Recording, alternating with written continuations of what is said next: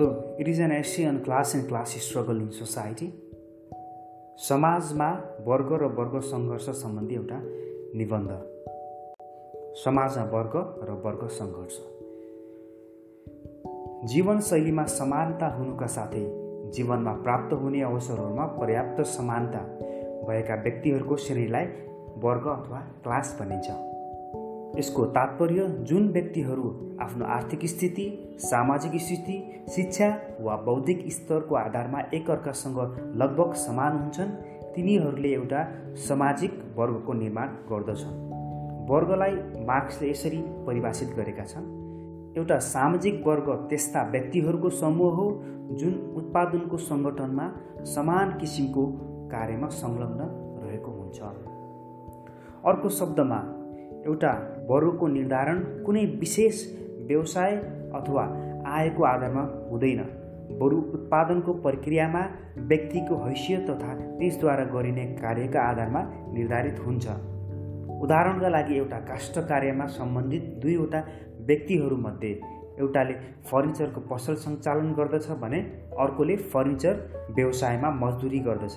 दुवैको व्यवसाय समान क्षेत्रसँग जोडिएको भए तापनि ती दुवै व्यक्ति अलग अलग वर्गका सदस्य हुन्। किनभने दुवैसँग सम्बन्धित उत्पादनका प्रक्रियाहरू एक अर्कोबाट भिन्न रहेको पाइन्छ। मार्क्सका अनुसार वर्गका निम्नलिखित विशेषताहरू रहेका छन्। यसमा पाँचवटा बुदा दिइएको छ पहिलो बुदा नम्बर एक रहेको छ। व्यक्तिहरूको त्यस समूहलाई मात्र वर्ग भन्न सकिन्छ जसका सदस्यहरूबीच आर्थिक साधनहरूको वितरणलाई लिएर समान सङ्घर्षको दशा विद्यमान रहेको हुन्छ। बुदा नम्बर दुई रहेको छ वर्गका लागि समान वर्गका व्यक्तिहरूबीच सरलतापूर्वक सञ्चार हुन सक्नु आवश्यक छ। सञ्चारका कारण नै एउटा वर्गका व्यक्तिबीच विचारहरू र क्रियाकलापहरूको तीव्रतापूर्वक प्रसार हुन पुग्दछ। बुधा नम्बर तिन रहेको छ वर्गमा वर्गीय चेतना हुनु आवश्यक मानिन्छ। वर्ग चेतनाको परिमाण स्वरूप नै वर्गका सदस्यहरूमा एकताको भावना उत्पन्न हुन्छ र उनीहरू आफ्नो ऐतिहासिक भूमिकाहरू सम्झन थाल्दछन्। बुदा नम्बर चार रहेको छ निम्न वर्गमा व्यापक असन्तोष हुनु वर्गको एउटा अर्को विशेषता हो। निम्न वर्गमा आवश्यक रूपबाट उसले आर्थिक ढाँचालाई नियन्त्रण गर्नमा असमर्थता भएको भावना हुन्छ। जुन उसको शोषणको वास्तविक आधार रहेको हुन्छ। बुदा नम्बर पाँच रहेको छ मार्क्सका अनुसार कुनै पनि वर्गसँग उसको एउटा राजनैतिक सङ्गठन हुनु वर्गको महत्त्वपूर्ण विशेषता हो। त्यस्तो राजनैतिक सङ्गठन एक विशेष आर्थिक संरचना ऐतिहासिक परिस्थितिहरू तथा वर्ग चेतनामा हुने वृद्धिको परिणाम हुन्छ। यो त रहेको थियो पाँचवटा बुधाहरू। मार्क्सका अनुसार सामान्य रूपबाट व्यक्ति एक सामाजिक प्राणी हो तर अधिक स्पष्ट रूपबाट ऊ एक वर्ग प्राणी क्लास अर्गानिजम हो। मानव इतिहासको प्रत्येक युगमा विभिन्न समूहद्वारा अलग अलग ढङ्गबाट जनजीविका प्राप्त गरेका कारण मनुष्य पृथक पृथक वर्गहरूमा विभाजित हुँदै रहे।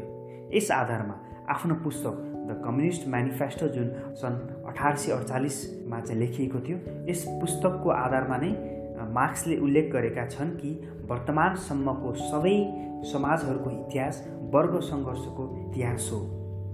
स्वतन्त्र व्यक्ति तथा दास पुलिन वर्ग र जनसाधारण सामन्त र उनका अर्धदास किसान पुँजीपति र सर्वहारा वर्ग।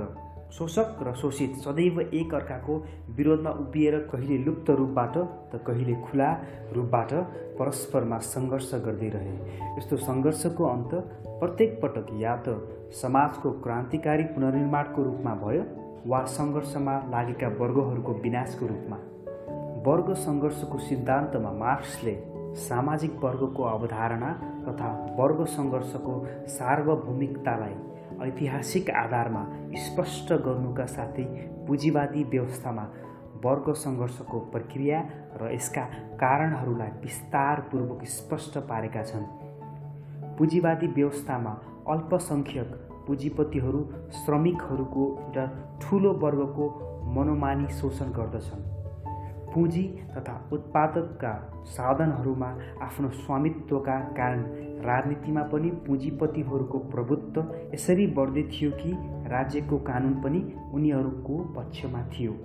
यस्तो परिस्थितिमा मार्क्सले सर्वहारा वर्गलाई सङ्गठित गरी तिनमा वर्ग सङ्घर्षको चेतना उत्पन्न गराउने अवस्थाहरू उल्लेख गरिनु आवश्यक हुने औल्याए।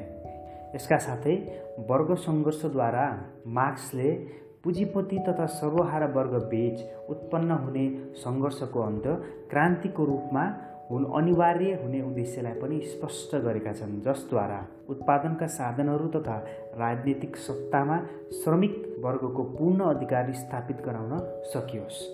यस प्रकार मार्क्सले पुँजीवादी व्यवस्थाको आलोचना र सर्वहारा वर्गको बढ्दै गइरहेको शक्तिको विश्लेषण गर्नका लागि नै वर्ग सङ्घर्षको अवधारणालाई स्पष्ट गरेका छन्।